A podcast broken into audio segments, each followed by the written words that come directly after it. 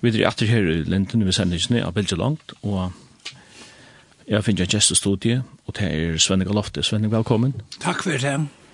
Jeg ringte til Dun Jart, det var nok så spontant, og spurte om du skulle komme i studiet der om 28.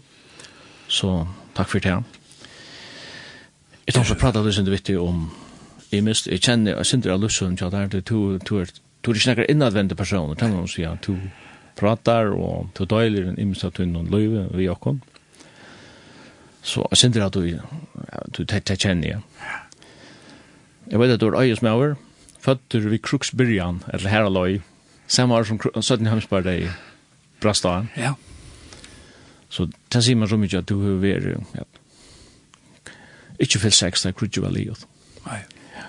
Så, så to er det, føtter i ofri at du, kan man si. Ja, det må man si, ja. det må man si. Så hva var foreldrene til det?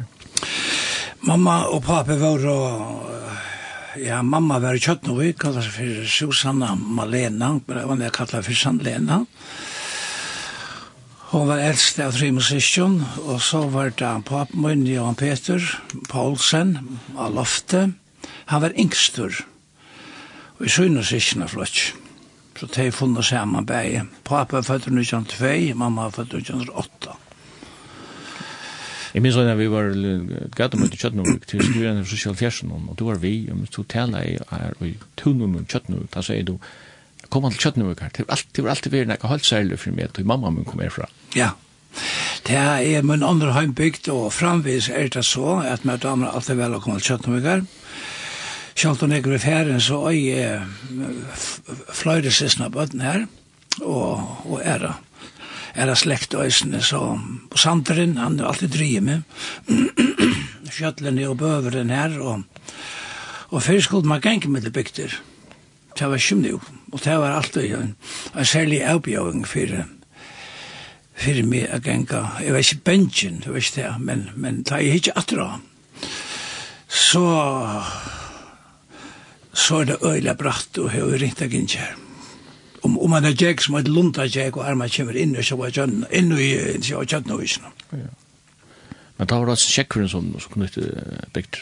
Øy, kjønn og kjønn og granna bygter, hvis man også... Ja, ja, ja, man fyrir spara... Passet et sjåarfattelen om det. Ja, man fyrir spara sjåveis fyrir, og, og det var ofta man var setter i rom, og Mittelvik og Kjøttenvik, vi smabatt, jeg tror det var ikke rentan til kjøtten Kjøttenvik å komme inn av lendingen her, som vi kallar, og det er nudje lendingen her, som vi kallar for Renkajek, den gamle lendingen var langer inne, og så regner, han for så sikla, og mittlen havna, og og øye og bygdene og han fyrir og tæver, og han stilte i øyne av Kjøttenvikken at hei det var.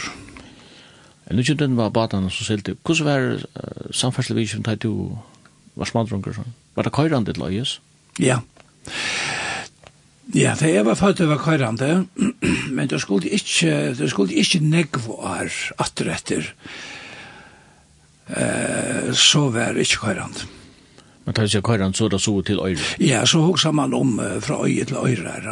Ja. Tog til å heian i mjölkabataner, for å komme til øyre, og så var samband vi han, det var altså samband vi han og æren, det var en, av skip som kallar for diggvandra havner som silde norr, og lute skip og silde norr om streimen, det er ikke alt slett å komme om streimen her. Men hon silde så, så det var samband, men det ble så bedre til at vevren kom og mjölkabattan for å sikla løyre her. Jeg nevnte at du var fatt over Kruksbyrja, minnes du nega til Kruksbyrja? Jo, jeg minnes, jeg minnes hermen, jeg minnes hermen, altså hermen, eh minnes det, ja. Jeg minnes Ankran Seljan, som er 24 mer en, kan det er det. En altsmann, Onglending, og en kanadiemann, som søttene giftes vi en av øye kjent. Og det minnes jeg øyla godt, tog jeg tar fjorden jeg av øye ta, og nu sånn fyrfjord, jeg bitte meg inn til fjorden i europeiska øyevattelen, og, og ta meg fri av den norrhøven, Og hessen her øyne, han kom så atter, Craig, kanadi mævren, blodjur, fytter mævren, minnes han enn, vi vi snor hon og vi ja han är han han er en är en säljenbonde en grå han bonde minnes, han. Öla blöje med Og jeg var i varje og det er gift oss då så det var en opplevelse med minnes fra vi tog in ja. Jag minns öjst en annan man som kanskje er sin søvelet å si fra at det er en skallar, vi kallar han for sett. Han minnes det. Og han skriver i bøkene The Land of Maybe. Ok. Ja, han minnes det. Da man... Et lista av bøkene? Ja, jeg har vel list, jeg har hukket, jeg har list, jeg har gått til har hukket henne, men jeg har henne ikke det. Men anker hever henne, jeg vet det. Jeg har hørt at han brukte navnet uh, The Land of Maybe, tog at føringer hadde alltid en plan B, Og det kommer altså inn, det var ikke utan årsøk, tog jeg vekk, vekk vi setter dagskronen i fargen, og så sverda bare. Ja, ja, så, og, så, og, og så er det fire en par steden. Ja. Svenning, du var hvordan sysken tjej. Vi var tjei sysken, trutja systrar fyrst, og så gjerne var vi fyra bodjar. Og du er født av Øyjøs, no? Ja, ja, vi er öll syskjene født av loftet, altså Baltonsheim som er inne av loftet. Fra det eldste til det yngste, og det var glopp på Ja, eldste siste min hertis, kan hende det ved navnet hertis, en eldste siste min født i 1930, og så er han kjem Selma, født i 1931, og Jakoba, som er født i 1933, og det er alle løyve, og det er om uh, det er 8-fors, 9-fors og 5 Og så bra bøtjan, jeg skal løse nevne, Sigmund Bøtjan, som var et veier eldre ned, og så kom jeg sjolver, og i de yngre endan, og så kom en som het Olaf, som tog veri i Kjermøy, Sigmund Røysene Færen, men han var kommet til alders, men Olaf drukna i som helt unger, tjej, åtta år gammal, han fyllt i åtta år den etter som han døg, og så var den yngste bodde med Jøn, som var en som født fødte 1922, Ola var født i tjei i fjørt, og Sigmund i tjei i tredje. Du tjekk tjei av skole i øye, eller hvordan, som de fleste atleføringer tjei av skole? Ja, det har vært det som var, og det har vært muligheten ta uh, for skolegang av øye, tja, de fleste onker, onker for havnere, og i skola, det var ikke nek, men med løyen kan man säga att jag nu är någon stor skissna flotch kvar kvar i regn i 20 år till och lägga och det här var att välja show igen och är för så en till ship samma med pappa och det äldre på jag och nu kan det fem halt sjöst till Grönland för en drålar som är godsöker Västmanna. Vad som jag också har spurt om till Hvordan var troer du i familien? Hva sier du om, om, ja, om foreldrene? Ja, altså, pappa kom til Sikkum på skip. Og jeg har nå uh, skrivet flere bøker om, om, om det hendte om vår, og det, uh, og det botner det tog er pappa ble fresten på skipet. Og jeg, jeg holdt nå etter tre bøkene om det hendte om vår. Månen som kom til å vente sin bord, jeg holdt det var så størst, det var så nekver, det var ikke tog, nå tror jeg, til Arnon hver det var nekve fiskar med lydel priser. Bankene var farner senest i USA. Ta i nukki sju, og det rakti allan heimen, og, og det var så fattakslitt ta, og mennir drau og fisk grunnen i Íslandi, Pappa var god fiskemauer, og, og, og han klara i det ene vegin, men det var bare sommaren.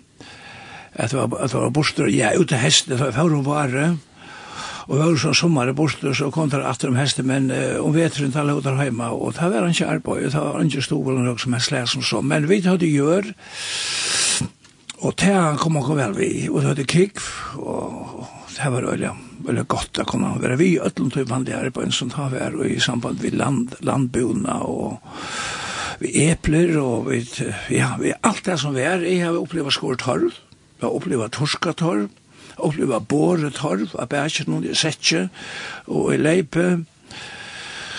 Heim til hus uh, her som øyesvatten er her høyt ved torv og er det vi Øsnem så man har opplevd alt det her, og hodja, slik græs, minst øyla godt her i pape, for borste ta, jeg var 14 år gammal, 15, 14 det var, ja, ta skulle jeg slå alt kufar sjálfur. Lutja og Og det ringeste som vet jeg med, det var bryna, doa bryna, lutja. Det, det var ofta torført, men i rundt i sløyd, et halvt kufaur, kan jeg sia. Sjálfur, det er i fyrstundar jeg gammal. Så du prøver sin drakvur? Ja, og ikke bare skulle ja, og så skulle man løsne jeg hadde ikke det, og vi mamma var sammen, ja, og så var det tvær bakkar heima som hun nevnte, Olaf, han som hadde tjei fyrir, Og Jonsson, han var så ung, så han var tveld, så Men Streimer kom til Øyes, da du flott i Øyes? Nei, nei, tar arbeidet ta og på. At jeg var kommet, altså se papi arbeidet selv vil se sånn. Papi var sjåmøver, men så lå der heima vøst og veteren, og ta arbeidet han ofte sev, og han arbeidet sev til Arne først i Oltrusjonen, Ja, og og så kom, så var det lagt inn øye, men, men Men det var ikke rad til. Vi tar ikke rad til at få lagt inn. Det var nok rus. Men la meg nevne ått i samband med streim. Jeg ser var ikke det første som leser streim i nøy. Det var en medover som var en kjente medover i havnen. Det skal være Paul Engberg. Han arbeidde av telefonstøyene. Han kom og arbeidde ikke at han grunnt av røren og sammen med Tøymon, Jekvann og, og Paul og Sven og Tøymon. Og han kom så inn i telefonarbeidet Og han var, han, han og brødrene Sjøen Alfred var øyn, og Paul og Sveinbjørn og Tøyr. Men det søtte for meg til at det var Paul som var lika som, kan man si, at han som hei uthoksa alt det her og hei lars det her. Og det fikk det som vi kallet det for en veverhem, og det var det vi kallet for en vind, vind, vind, vind, vind, vind, vind, vind, vind, vind, vind, vind, vind, vind, vind, vind, vind, en, en, en hemmare på en tombygdna, og tar det inn. Og det var en, en seks hus som hatt og sreim tra og det var langt, og, og i tjei og fjør, det halde ta, kom, så ser vi. Se var det etterpå at det var på tomat. Men det kom så ta, og vi fikk jo ikke se ta, jeg opplevde ikke streim, og nærka av sin her huserhalstålen og og kvar kan man säga som Herod Elia platt platta kalla. Han kallade det for vattenbukka, Ja. vattenbukka, altså, vese. Så det er ikke så var det vær, og ljøs var ikke, og det var sterinljøs, og det var tutjelins lamper, tjuelins lamper som hinga av vekkene, men så fink vi denne Storm King, som vi kallar av. Pappe silte og ha har og, i, i, i England og Østene, og så minnes jeg, minnes øyla tøyle og en morgen da jeg kom opp. Det var så øyla jøst i køysen. Så hva er det her, hva er det hent her? Ta var det en stormking. Men det var en standlampa, og hun stod og en skamle, men hun luste så vel opp, og det var, det var helt utrolig. Bredd hun petroleum, eller hva? Nei, Ja, ja, ja, det var, ja, det var, ja, petroleum, og så var det så net, net, så net, så var det, ja. Og så pumpa man, pumpa man luft og så. Jeg kan huske meg har spurt seg mer om, om skola og kanskje komme inn på sundagsskola, men Arne Tjern så halte jeg vi for at uh, lustet til en sanje som heter en uslensk som heter i huset herrans. Og så vil dere si at det er at uh, hvis du lurer her og omkring halsen til dere, så er det velkommen å sende sms av 2.5 13 24. 2.5 13 24. Margur salur er i hus i herra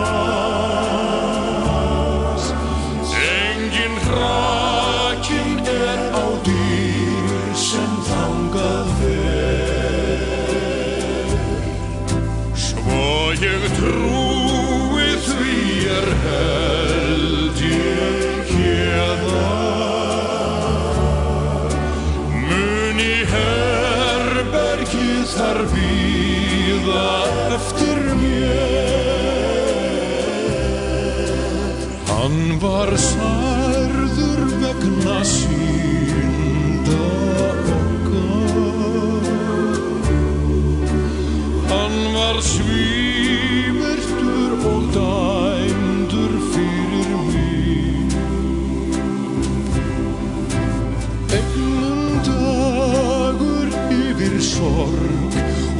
syndir rísa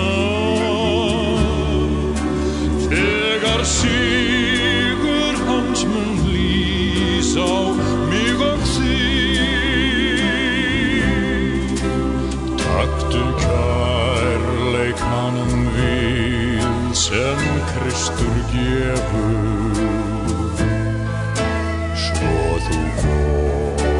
stál þann stað sem lofað er.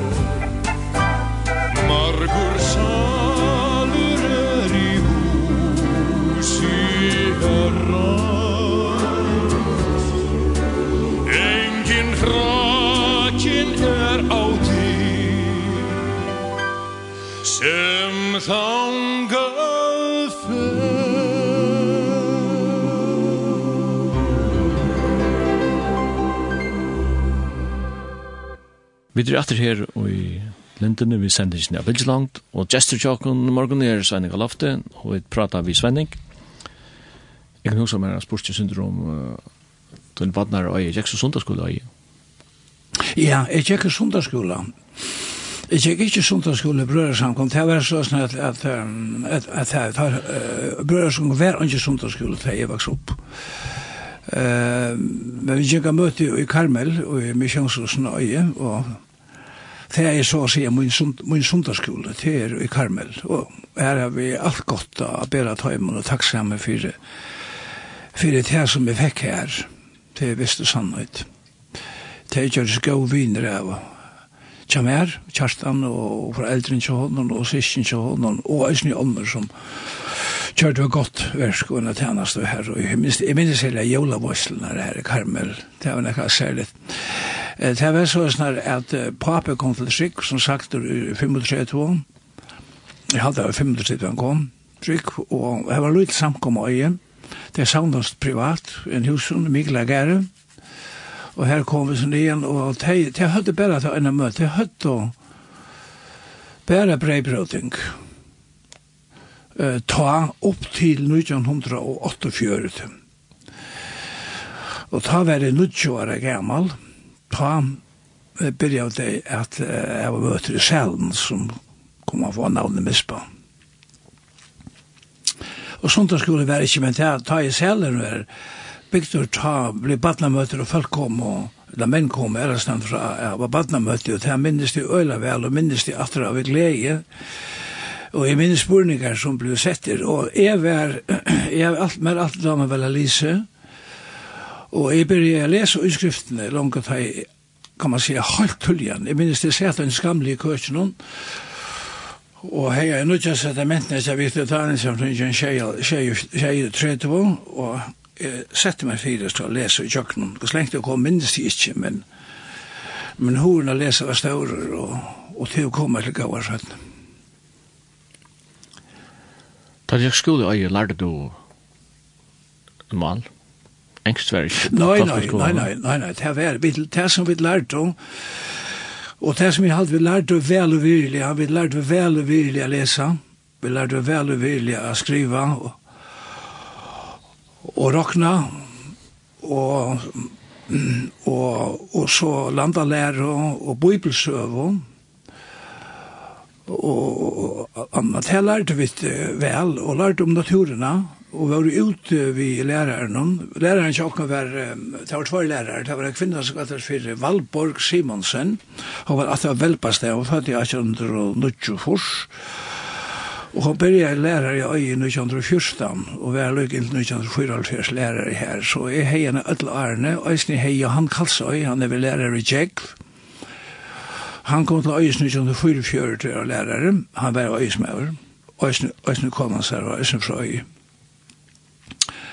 Og han var med vår, han var, ja, det var imest her bare som lærere. Altså, jeg vil si at hun, hun tjekk nekk opp i at vi uh, sunk og antallet sanger, og at vi, uh, ja, sunk og antallet sannsjer, minst enn sannsjer, eh, som pleier sipa til uh, Fægir fylg mer henda det, han vend til tuin mot trosta trøsta ryka tryggmer kjev, gleian hul til dagsens drev. Og så er, tja, jeg kunne ikke boi og lærte å kunne skriva, vel, og lesa, ja, han var en, en, en kan man säga, han, han er vel løktingsmæver lunsjen, ikke ta, har vi lagt det smør fra senere 20 til, til 1900, ta 20 til. Ja, det fra og, og 20 og neka opp i 30 og så var han lagt det smør fra halv trus til 4 trus. Og, men han var en person som som tomte var at djeva kon undervisning utiver det vanlige, altså han kom teka kon om i fjørna og læra kon uh, båren i baten og i minst anna som hei vi fjørna gjerra og, og et som er minnest og som andre øysene kunne minnes fra tøytøyen var det han hei et arbeidshefte hver han gav okon skipanna vi vi, vi, vi um, sorenskrivare og amtmann og allan tøy og ta skriva skrive av nyer, hvordan ratteren fungerer i, og, og, og sånn. Det var, det var avvært, og ta feste, og ta feste min hova, og han var den første, kan man säga, som kväckte i mer uh, ahovan för printing. Så han tar sig vi åker om att vi skulle föra en tur till, till, havnar att innan dimmala ting og så tjokk og se blei blei prenta. Så dimmala ting var det hus som var det her blei som kom og i vanlig og i flest hus og så det blei og, og tinka krosser som, som han var som var en pastor av å skriva i. Så at uh, man fikk øyla gauan og hotla, hotla undervisning, men, men engst, som du nevnte, var ikke. men her vil jeg si at Og i 1924 kom den første presten som bo i øy, som bosest øy, det var Sakarias Brymnes, at det var stikkenen, med som rett var han født i 1900. Og han kom til øyes, og han var, han var gift i en danskare kone som kallet for Nanna. Og Nanna var utbyggende lærere, og i enskon, og matematikk, og i danskon.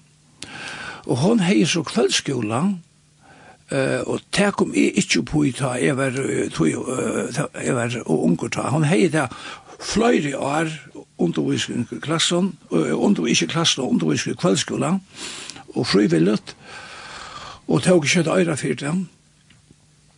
Og det var matematikk, og som jeg sier, og, og danskon. Og engst hei hun heima ved hus, og i prestegæren, og hun gjør det så løsner, altså hver som bøttene kom til, så tok hun tannklassen som bøttene så du i, og, la, og lærte teg engst heima vi hus.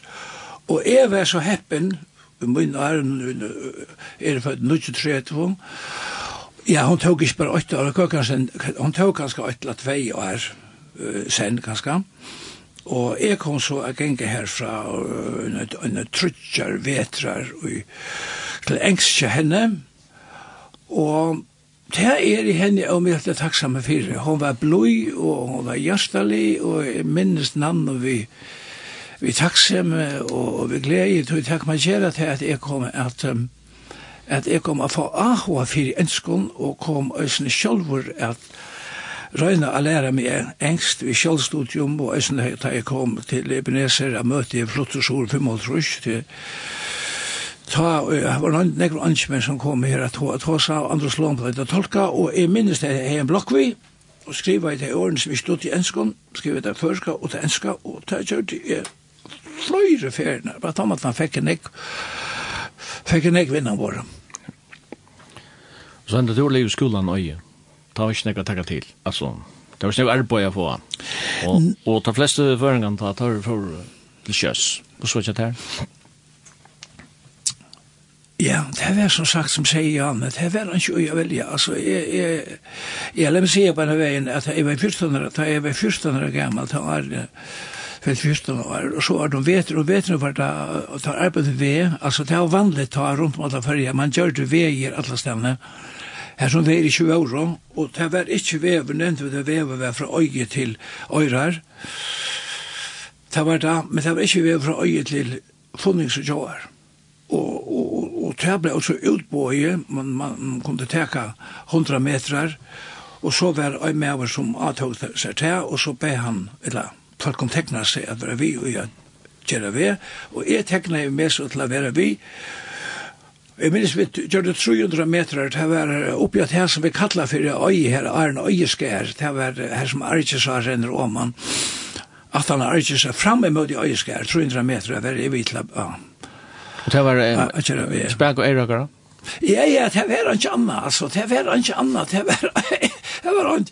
Altså, ja, jeg, jeg minnes ikke nækka, jeg minnes ikke nækka, særlig ved sprunging, det må jeg si akkurat som er til mål, at det er verre, men jeg minnes det en kjell til det, det var nok så slatt og sånn her, at gjøre ved, og, men det var det første arbeidet jeg mer, og så var det året etter, og det året var Bodgemun og papen min faren til Kips, vi er noen trådere i Vestmannen, kallet vi Godsrøkje, og så, og, og så året etter, uh, ta i ta det ver varturen, i Íslandi, så kom vi atter skuld fra Grønlands, og ta i pape by en chans til Moin, så vi var trutjer av en huset som fyrir til Grønlands, Og tann teori minnes i øyla godt er einast tur som jeg har gjørst til skips.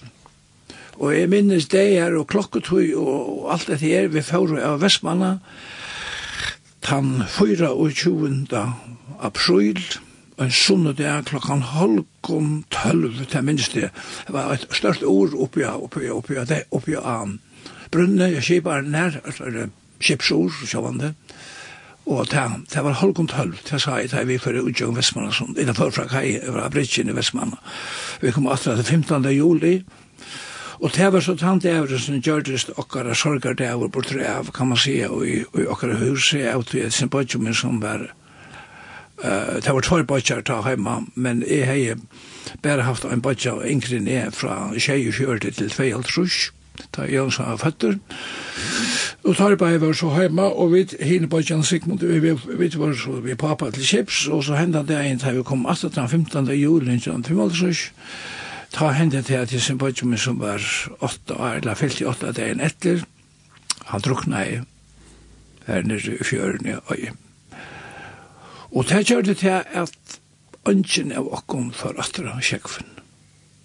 Så var det til at vi flott til havnar, at han var til papi og Sigmund for arbeid i havn, det selt til Alfred Johannesen som var utgjører med over hei skip, og kjøpte selt og, og hagrøyde selt, og, og det var selt til Polen, det å ta selt i nesten.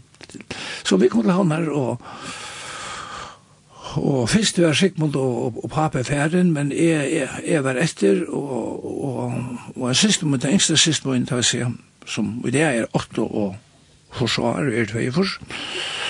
Hon kom heim, og vi er ikke mamma, og hon heldte at mamma skulle fære til havn, og alt i hus, tja, bare tja minne Sigmund og tja pappa, og få en øybo, og tja gjør det til at vi fære til havn, og her er og vi er enn med mamma og pappa for norrater, og tjent fei døys, og vi var her, til sin dødkjente. Og til leia vi her, han da først? Jeg vil leia vi her i husabrik, og fink og en øybo her nere som en kilme av tjokk, og jeg hadde vært hok, og jeg hadde han er bo her, hok og Paulsen, han var uh, sånn Jakobine, papas systemin av øye, som ble hundra og tveier av gommel. Han er bo her i Husabrik, Husabrik Tjei, bant iver av kyrkjen hin, men i middelen kyrkjen, han er kyrkje og hodlafnja. Og her kom så jeg bygg var bo her tru år, Jeg vet at det bygde huset til Perskundegård. Det er flott til det. Ja, vi flott ut Perskundegård til Jævlar 1908 Vi får a bitje her ut, det er siste min heldig som som var sjukgrasister som var en drivkraft her, og papi og hon teg skiba mest for tog, jeg var omgårta, og jeg var for en lærer som prentar, og, og så flott vi ut til Jævlar 1908 Og det var sånn det var vært hans, men altså, man gjør det tjusen li, og man, man får inn, og jeg minnes det, hvordan størstlig det var i månbeg til øye, av loft til øye, og så øyboende av husfabrikk, og komme ut her, det var som å komme inn av borg. Men altså, perskundegodden i Jallatlatvist, det er utenfor, som man sier, utenfor sivilisasjonen, eller hva? Ja, Det kan man säga, här var inte något hus utanför det här. Här, här var det något hus ute i Gråstein. Og her bor pappa sist og en annan Norrfoss og Albert og Tei. Og så bor noen uh, langer heime, uh, noen sløtthus. Her var så var det her ute i fløten, her var det fjøs. Så tar det bokhandelen 8 og 8 og alt det her. Og, og Og så var nekka hjemme etter, men det var utanfor, så var han selv, Axel Jensen, Bodje Jensen Reine. Mm. Han bo her ute, og så var det Michal, uh, Michal i Hotne, han var øsne her, annars, uh, ja, nei, nei, det var, det var utanfor, lengt utanfor havnene da. Ja. Du sier, du flyter, eller, til flyter av øye til havnar 55, og til opplever det her, jeg missa Bodjan en dag, knappelig, ja til, til nek drama, og nek sorg og sånne. Uh, Sitte nek tankar i gongt. Ja, jeg har kjørst. Det var det vi vil virkelig til årsøk til uh, at jeg fører hoksa alvarslige om, om andre ting. Jeg, som jeg nevnte før det, så er jeg lise i skriftene, og, og jeg var alltid av og fyrt i andalige, og men men det kan så det kan så huxa där det kan så huxa där alltså det det stöv tant tant tant stövan alltså kom berande vi på mun degjum inn i okkar ekna heim. Og løtte han an det var han her, og ja, det er ja, det er setter nekvi, og nekvi gong, setter det ikke i gong, så vet ikke hva det setter i gong. Og det gjør det til, så kom jeg til havnar, og først han møte, og Sigmund og Vigingu trofast han møte her i Ebneser, og og året etter så kom jeg til personlig trygg var Jesus som er frelser. Og tar jeg videre, Johannes Røy, jeg var født av Nøytjøn. Ja, ja, og det var nemlig, jeg minnes, jeg minnes nemlig at jeg andre slåen kom inn av den nord til øyes at jeg var møter, Patna-møter, ja, han heis ikke møter, men jeg minnes det er Patna-møte, og jeg var Patna-møte, og jeg minnes det at han spurte, han spurte, to av ditt Johannes 3, 16, Og det er dutt jeg.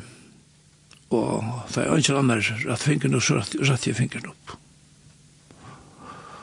Og ta sittere i Johannes 3, 16, 8, at det er dutt jeg langt da. Som, som, som som hadde Og Det er jo veri i 8, 14, 20, til jeg veri 8, 20 gammel, ja. Så jeg, men jeg, jeg, jeg kan kanskje, jeg har det skal, nu, sige, halvstått, ut om dette. Jeg tjekk av møte, men, men jeg veist ui om jeg var frikvand. Jeg veist ui om jeg frelst, var frelstur. Om jeg var ved til himmel som jeg til lui vi god. Og, og da var det ikke vanlig at jeg folk steg etter av møten, og det kom fram, så alls ikke til. Så jeg bare til så struttes vi enn enda spurningen Og nere i husfabrikken som vi bo, her var åtte sovekammer, og så var en, så var en, en stove, en, en, en vanlig stove, og så var en minnestove.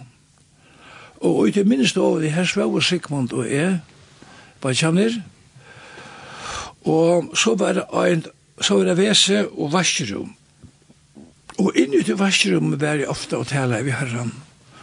Og med det her, Og her hei en ekvar løter sammen vi herran. Det som gjør det til at jeg kom til klarhøy, det var det, antallet, det var det at jeg les i skriften. Les i Johannes 5. kapitlet, fyrsta brev i Johannes 5. kapitlet, kapitlet 13, da leser jeg hettar, Hetta har vi skriva til tikkara, fyrir at de skulle vita, og det var det året som er tørva i særlig, de skulle vita at tid heva av et liv, tid uttrykva av navn Guds sommer. Og så vendte spurningen til meg selv og sier Svenning, «Tu trust av navn Guds sommer». Så sier skriften, at så hever du av et liv det var det som løste meg. Og ta andre jeg spurte ikke for meg, og til å være mot atjersplass til hendet det. Fyra de skulle vita, altså ikke gita. Nei, det er vita, at de som tryggva, til heva, ikke, ikke øyne for, men heva, hatt det var verset som er. Hatt det størst. Ja. Yeah. Så en tog en gonger, og her flere halsene kommer inn, og tog nekka på hjertet, og tog inn i Amarska, og her flere sank ikke skulle jeg finne inn i Østny, og vi må bare si akkurat som er til å møte for å spille alle disse sangene som. Men det er godt å høre fra feltje. God morgen, godt å høre at jeg kan atter. Jeg har kjørt lintene flere måneder. Og godt å høre at jeg kan atter i lintene. Og så sier han, godt å høre at jeg kan atter i bilen, og god sikning, smiley tekst, Ja. Så sier han døyligt vi øy, at høyra svenning. Han ser at domlige er med over seg. Ja. Så her er, her er nek spennende. Jeg halte vidt å høyra sangen Praise Him til salt.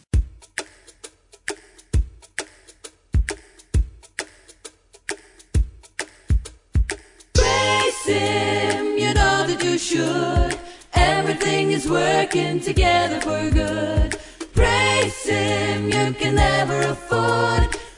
harvest of praise in the Lord. Let's talk about Jesus the King of Kings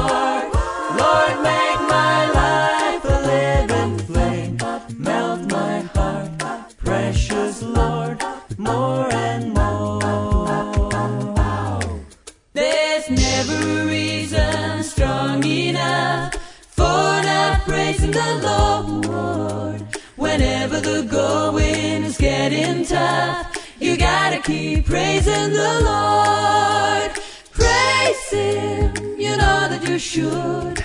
Everything is working together for good.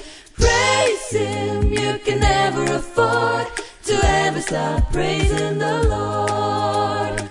Praise Him, you know that you should. Everything is working together for good. Praise Him, you can never afford To ever stop praising the Lord. To ever stop praising Vi er så atter her i Lindene, vi sender ikke noe langt, Svenning og Lofti er gestetjokken. Flere halsene kommer inn her av skjermen. Gjevande høyre til kon, jeg har haft en glede av Svenning i høyme okkara. Det er så lukande, øyste for samkommet. Vannan kjem datter okkara la i Svenning. Ja. Så sier han, takk for det. Kunne spela Tore Jesus, du fyllt han Tore vi Kjelte synger. vi er kanskje sånn at han sanger fram, så kunne spela han 17. Vi er fri om og min, han er store troblegger det vil jeg vil gjøre sånn. Ja. Og en halsan ur Hirsals. Sånn det. Vi sitter da og deilig at høyre tikkene. Så her er kan man legge lukkende halsan der. Så godt høyre lindene at vi sitter og dorst etter kunne vår. Her er en sikken tikkene. Du be å finne mannen skal skanna dem. Sånn det er. At alt skal være normalt. Takk for god sending. Valt sikna høyre tikkene. Herren sikna tikkene. Så her er bønnerevner som vi ønsker for å takke opp. Svenning, du er i havn, og blir, ja, du er øyesmauer, men nå er du så bosetter i havn. Men der kommer en, en kvinne av denne øyesne, Birgit. Ja. Det var fylst nå, og i nekv så år. Ja, vet, ja. Til en lenge så jeg skal gjerne stått han, men det var med løslokka, vil jeg si, og nå er det mer utrolig a gav gjøgn alt løyvi til det enn det. Vi er takksom for jeg vil ha noen annan enn saman, og vi tar være et en and, vil jeg sija. Det er gaua løter, så vi tar saman hver dag eneste and, det er saman i bøn, og saman i bøybelesnei, og tilkjast, og vi tar fylst alt løyvi, og hun kom inn, Hon kom inn mot Lloyd. Her var det. Jeg vet ikke om jeg kan få, jeg vet ikke om jeg skal nevne det, men jeg har alltid nevnt det. Jeg har nevnt det før, men jeg nevnte det. Og jeg skal gjøre det så stort som jeg kan tog i løyer, og det er noe annet hos om, men Men men Salman tosar om om det här det här lögn det här lögn det här så lögna lögna som vever mannen til unge kvinna, og så er gos herren og som sammen. Men, eh, men vidt er for kjekk som møte i Ebenezer, da jeg kom som sagt til Fimmålsvis til Havnar, og jeg var møte, og sik man bare med nøysene, og, og det var naturligt, og, og så er det nødgjørs varslene som var, og nødgjørs aftan, og her var det, var vi alt og, og jeg var nøysene, og vi bare, vi fyllte snakk, vi er sikkert og så var det nødgjørs aftan, tjejaltrus, åttatrus vil jeg si, sånn snar. Ta er til at jeg til livet klokkan godt 12 og ått, så er det til at vi kommer ut av trappene, og man nyer av trappene, og her standa ungfolk, her var ikke noen ungfolk ta, og i samkunn neser, Men så er det en, en ung og vøker og, og kjermerende kvinne og jenta som kommer her, ivet, ivet til okkara og sier, kom du til fylkja meg heim. Og det er sunn forklaring til hun rattes det her affæra til skotersvittlan, alle stand oppe i kloppan og hun bor oppe i Høyvesvenn. Jo, jo, jeg fyllte henne så heim. Og det var skulle se så, men da man hadde funnet godt mye, så løyde man at rad. Så jeg var her den neste kveld i Østen. I mind det, Og resten er søva. resten er søva, ja. En god søva. Men det er gift så for å trus, fingertrusja siner. Ja. Ja. Det var en maver som han av seg, han, han sier, så, jeg hørte han sier, det er sånn ikke tjona skyldner i det, men så leier han seg at det. Det søgnaste pære som forsvunter, det har råkning i vi bygd og svenning og Ja, det, det slipper han ikke å sitte. Det kanskje en, en, det slipper han ikke å sitte. En pene vittnesbord. Ja, ja, vi finner som sluttet Rønger, Peter og Marner og, og Dan som er voksne. Ja voksne, voksne menn i det, og, og, og, og, og vi, vi bygde oss var selv ta i fyra, og her er vi enn, mittlen gav og grannar, Ja, og her er nekomentan her oppe. Ja, det må man säga. Her er man ved, kan man säga, ja. Kan man her er listamalare og, og fatt som skriva og hvert sånt. Ja, det er visst og. Eh, Neste grand Jakob er Johannes Andreas Ness, som er færen, en gode vinner til Beie, Brynhild og han. Hörta, nek var goa löte samman, då har man ju sakna det i øyla nek, men unni jo kjøpt husene så var på unni försökt å komme her. Jag bekvam, og men så er det så er det Eivinder Mår, og så er det Ingaula Reine her, og så Osmundur Poulsen. Så her var nek sånne for øyla, kan man säga, hovedkjente mennesker, som, ja, det var Det var, det var kjellig begge hver. Nei, Asmund han fotograferer henne. Ja, ja, ja, ja. Asmund tok henne mindre til seg, og henne bøybelklassen, bøybelklassen i Beneser, så oppe i, i Vealundene, og til en mynd som er en søvelig mynd, hva vet jeg, han var en øyla, øyla gode mynd av meg. Ja. Så en gang mest av tøyna, så lærte du prentare. Ja. Og, men du, du, du lærte det så året i Danmark, hvis jeg Ja, ja. Hvorfor du nye? Ja det var tog at jeg skal ikke gjøre byrke skiltene for det, men jeg skal gjøre meg selv skiltene for det, og til å ikke gjøre noen skilt for det som så. Det var så at jeg lærte til prentene til Marius Siska her, på en nye for her, som vi sitter her i Lindene nå, et hus som tar alla bruka som parkeringshus, eller bytja parkeringshus, det er det øsje på enten nere, på ent hinvinn veien vi er nes her, og her lærte jeg så i tru år til prentara, Og så er det til jeg byrget for nere der nå altså, jeg byrja i, i, jeg byrja i Sjeihaltrus, byrget for nere, og vi kan kjenne noen annan som sier han, nå kjær aftan i Åttaltrus og, og, ut i Åttaltrus, og så er det nå kjalltrus papen der hei hotell, Hafnia, og han ekste at bøttene skulle hjelpa honom i arbeidene, og, og, og te, De tror, altså, Johan og Emse og Birgit er ødel utbyggvinn innanfor hotellarbeid, Og, og de får alle nye til Danmarkar å lære. Johan og Birgit var samståndes nere. Og så kjem Birgit, Birgit for nødgjøltres nye i kjønne heimatur, og, og jeg får så nye vi, og vi henne tar ta en for nye retter. Og så er det det, så vær så rikt som er jeg får heimater fra henne, ja. Så gjør det at jeg ringte til arbeidsgjemmeren som er prensby i Meister Maire Siska, og spurte om jeg kom til bare være vera nere nu og lære til sørste her nere. Og som han fytte med henne vær, så sier jeg ja.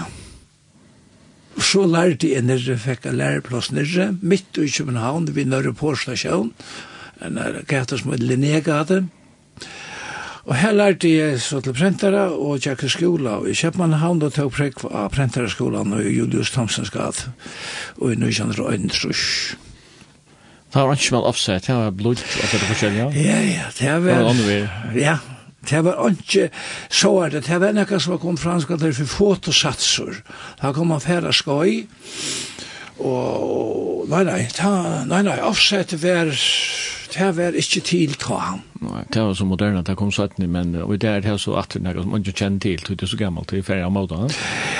Ja, øh, ja, det er færre, ja, det er færre. Det er færre søvnene, vil jeg si, som så, men kosten brukar det til akkur smaveis, vil jeg, vil jeg si. Og så var det eisen til som var et høy samband, det var, det var til at man brukte klisjeer, altså myntenar, som tar vi ordet. det var, man fikk klisjé i nyrre fra Danmark, ja, det var bare nere med sånne føringer som lærte Frans Estraf, han lærte til kemigraf, ja, det var ikke et litografer, men det var kemigrafer, og han kom så hjem og, og, og, og begynte egna virkes med grafia, og Og ta var lattare at her iver, iver Esteboin her som han bor ved her i Skansan etter en nøkkelig ikke inna, inna biomanna nere fra at det ble sendt nyer uh, baren.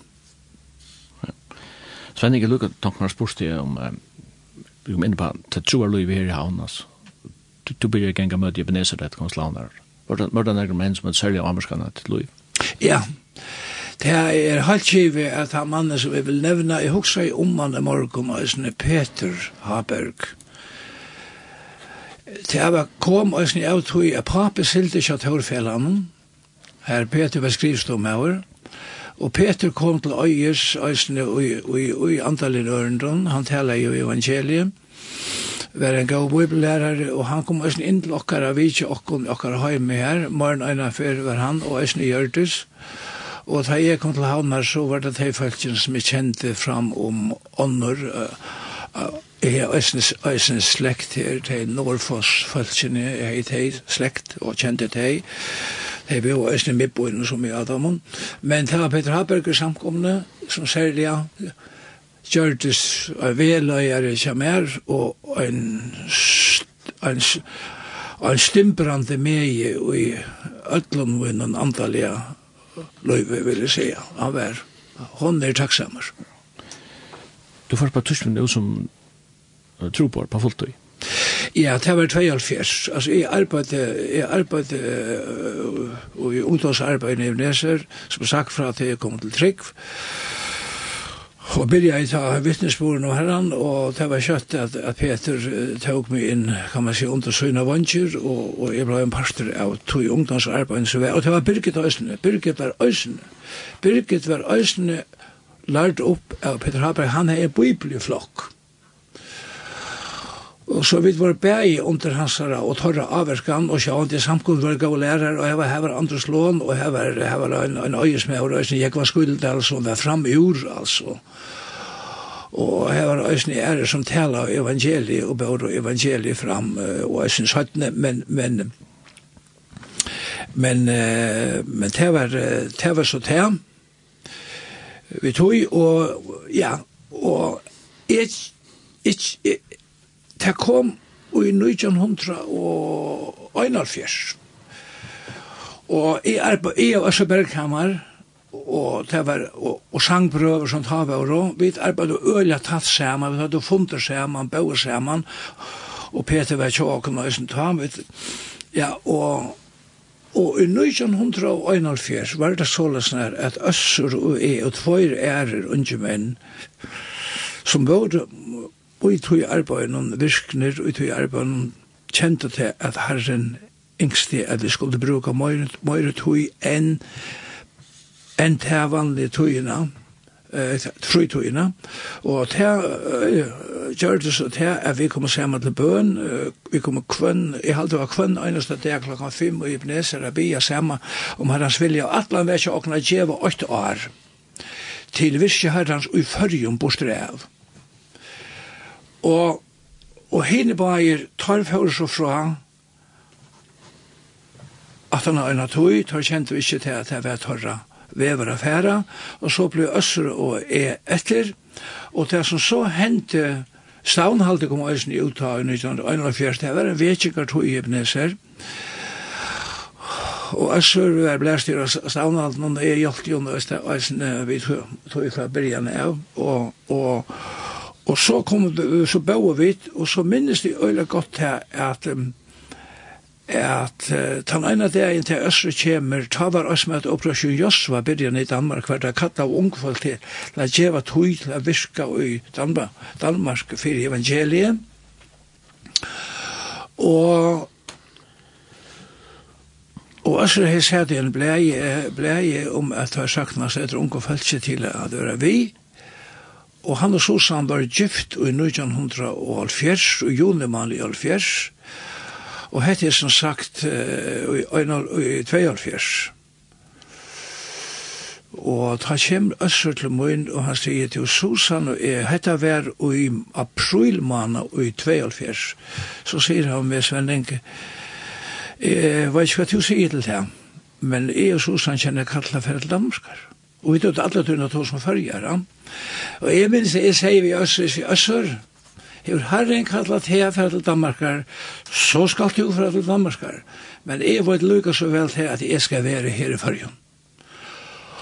Og her, og akkurat samstundes, juni, 1. juni, ta leie er fra landet sjálfur, ut i hette her, avkjenta, kan man säga att färra att stå ut, ut färra ur en präntar arbete är sett ut i korset ett, ett halvt år ta, men, men nej, ett halvt år, det var halvt år som vi har sett ut.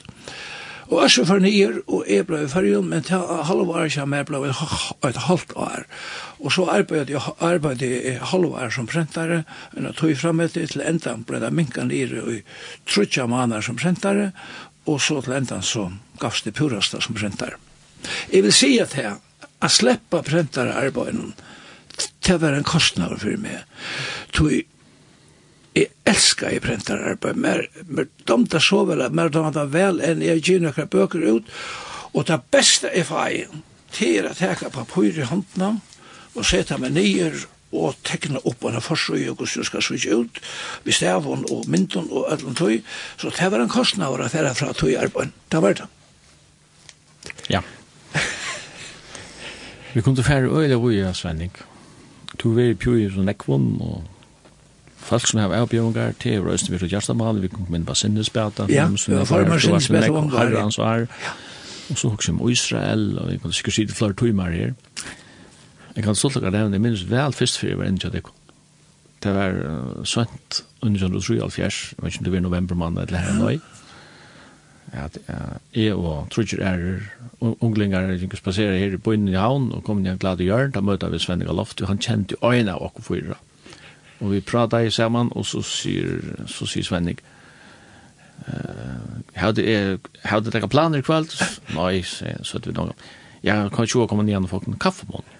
Så enda jeg vidt oppi av soltøy til en kaffemånd. Det minnes du veldig vel. Da minnes jeg du spurte meg, Og, og to, hvor er to? Så det er ikke vanlig å være innbøy, og spurte hvor man er at det. Men jeg, jeg visste vel at at jeg tenkte, å, Sven, jeg kjenner veldig vel mannbøyja min, så jeg sier at mannbøyja min, han heter Høyne, så det var veldig kjøttet.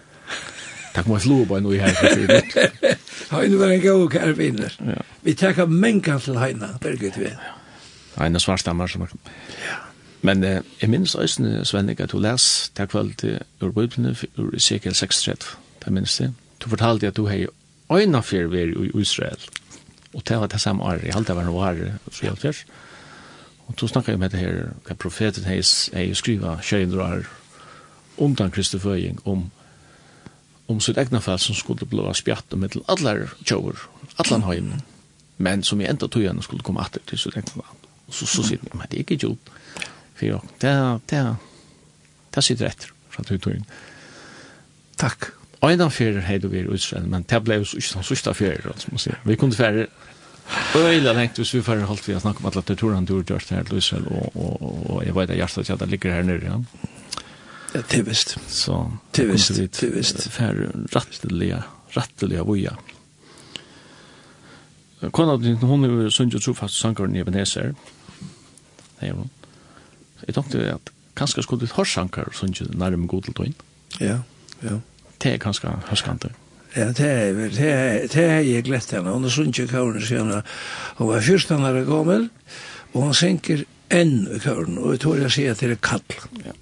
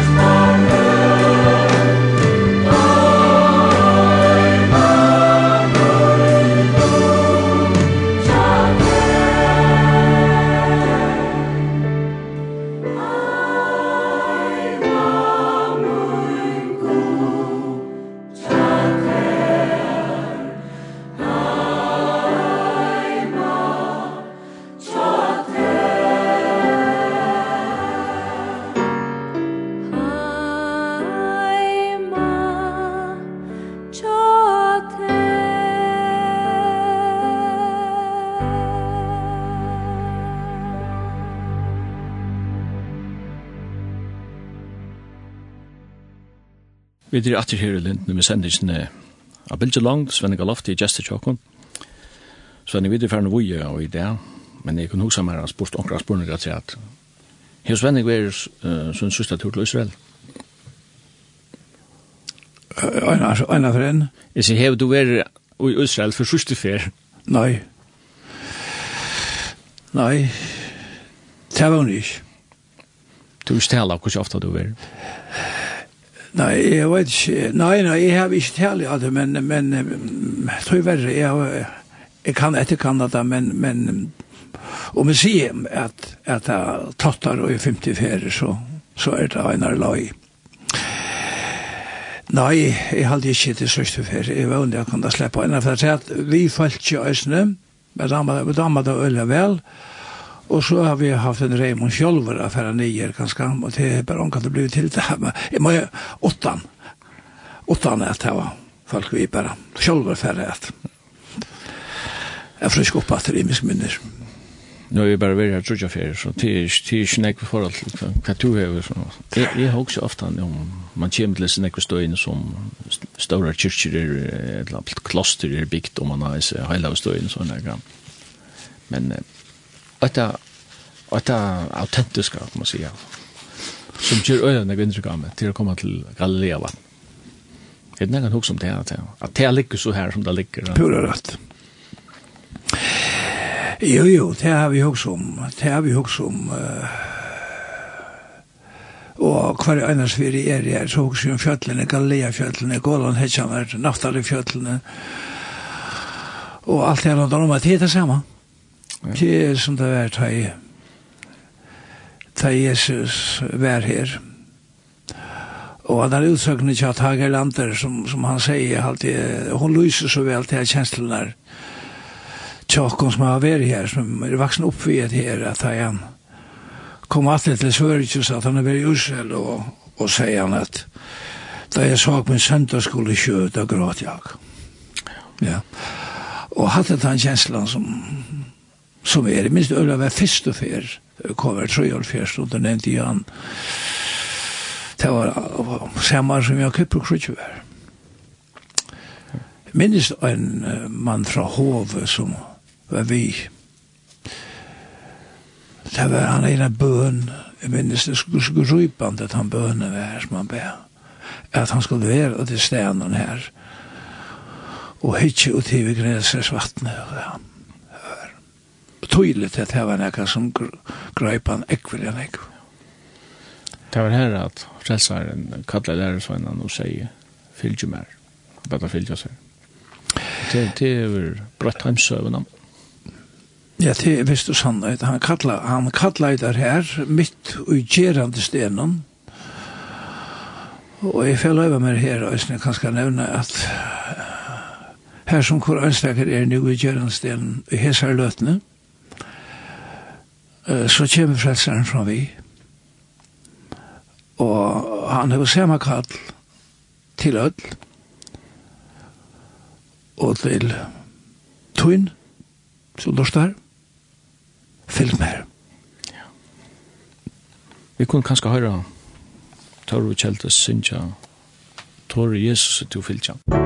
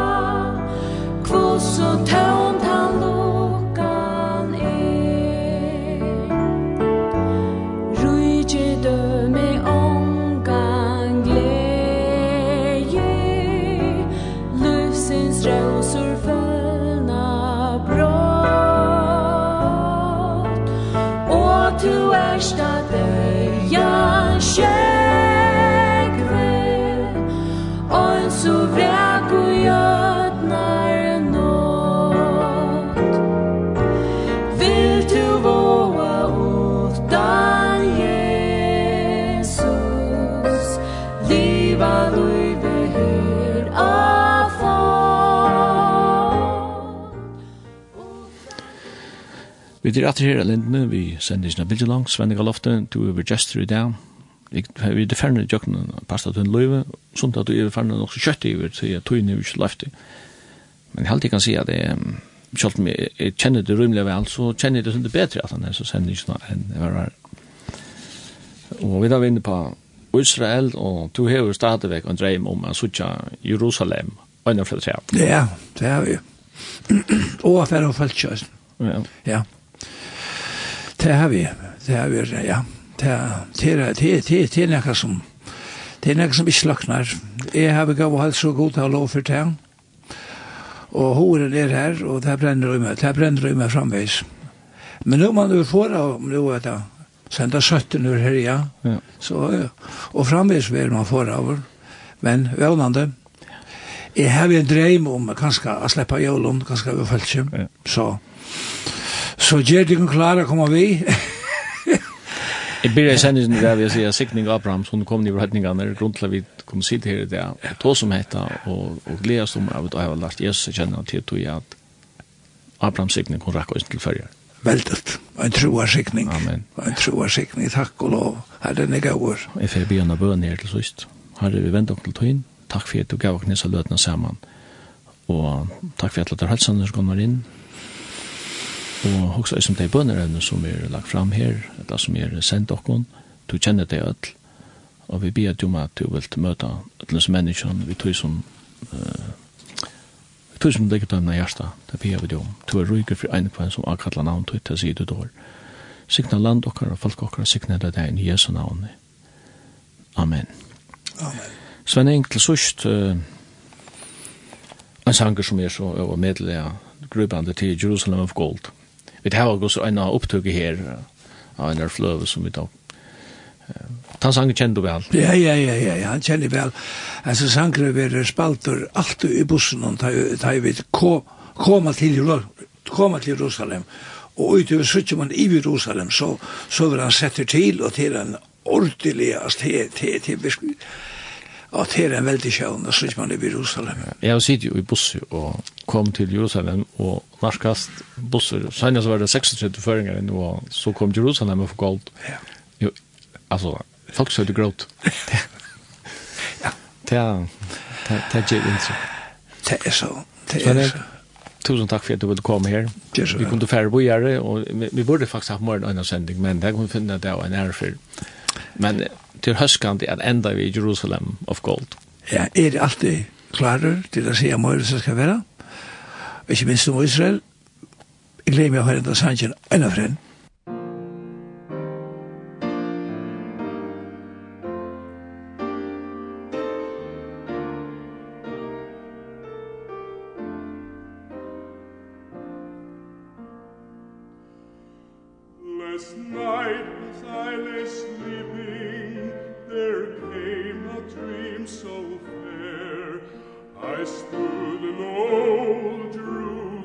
Jerusalem, bis heiden temple there. I heard the children singing, and ever as they sang, I thought the voice of angels from heaven.